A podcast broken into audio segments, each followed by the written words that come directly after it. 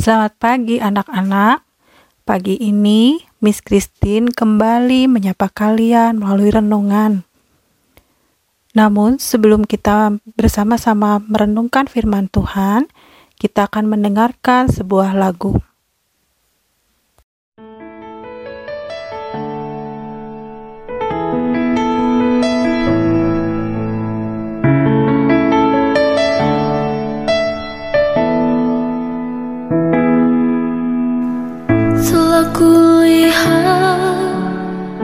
Bukti kasihmu.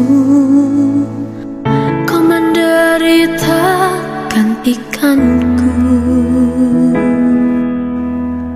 Dengan darahmu Kau selamatkanku Kini ku hidup menyenangkanmu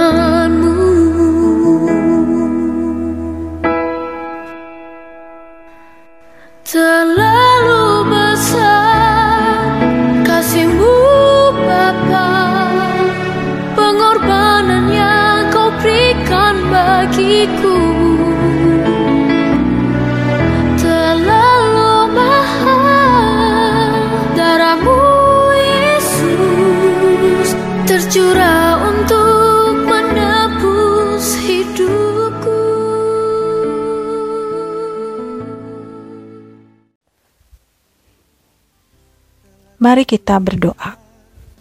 Tuhan Yesus, pagi ini kami datang dengan hati dan telinga yang siap untuk membaca dan merenungkan firman Tuhan. Tolong Roh Kudus, kuasailah kami agar kami boleh mengerti dan dapat melakukan isi firman Tuhan dalam hidup kami. Di dalam Kristus Yesus kami berdoa. Amin. Firman Tuhan hari ini diambil dari Yesaya 1 ayat 17a. Mari kita membacanya bersama-sama ya. Yesaya 1 ayat 17a. Belajarlah berbuat baik, usahakanlah keadilan. Ada seorang yang bernama Bai Fang Li. Dia bekerja sebagai tukang becak yang mengayuh becak dari pukul 8 pagi sampai pukul 20 malam dan dia tinggal di sebuah gubuk di daerah yang kumuh. Tetapi yang mengagumkan adalah semua uang hasil penghasilannya dia sumbangkan untuk sebuah yayasan yang mengurus dan menyantuni sekitar 300 anak-anak yatim piatu di daerah Tianjin, China.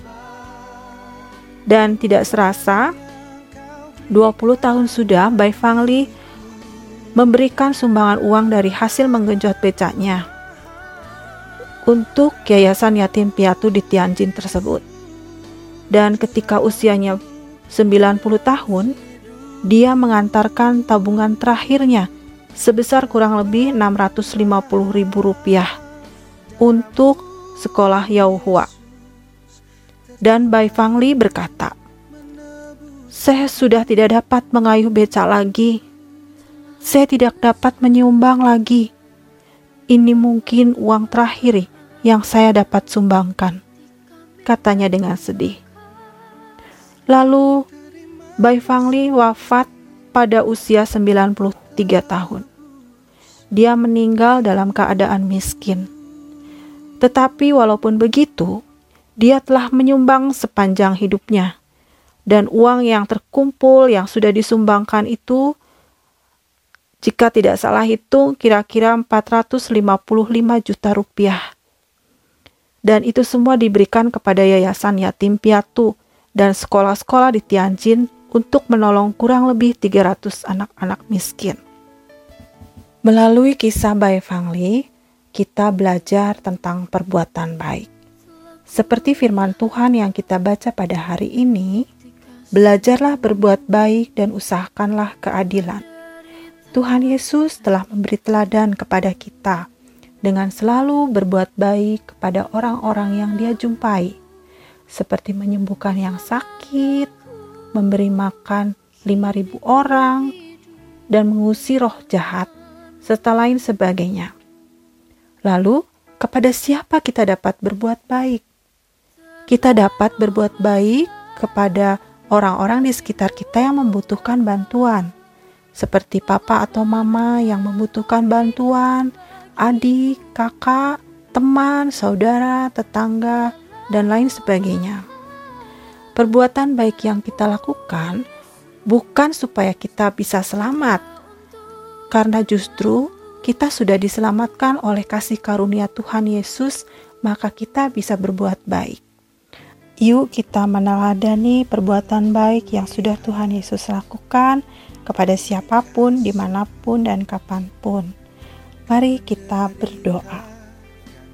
Terima kasih Tuhan untuk firman-Mu yang mengajar kami untuk selalu berbuat baik.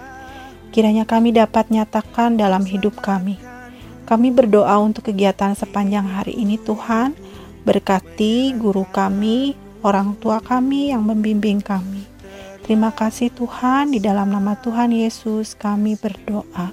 Amin.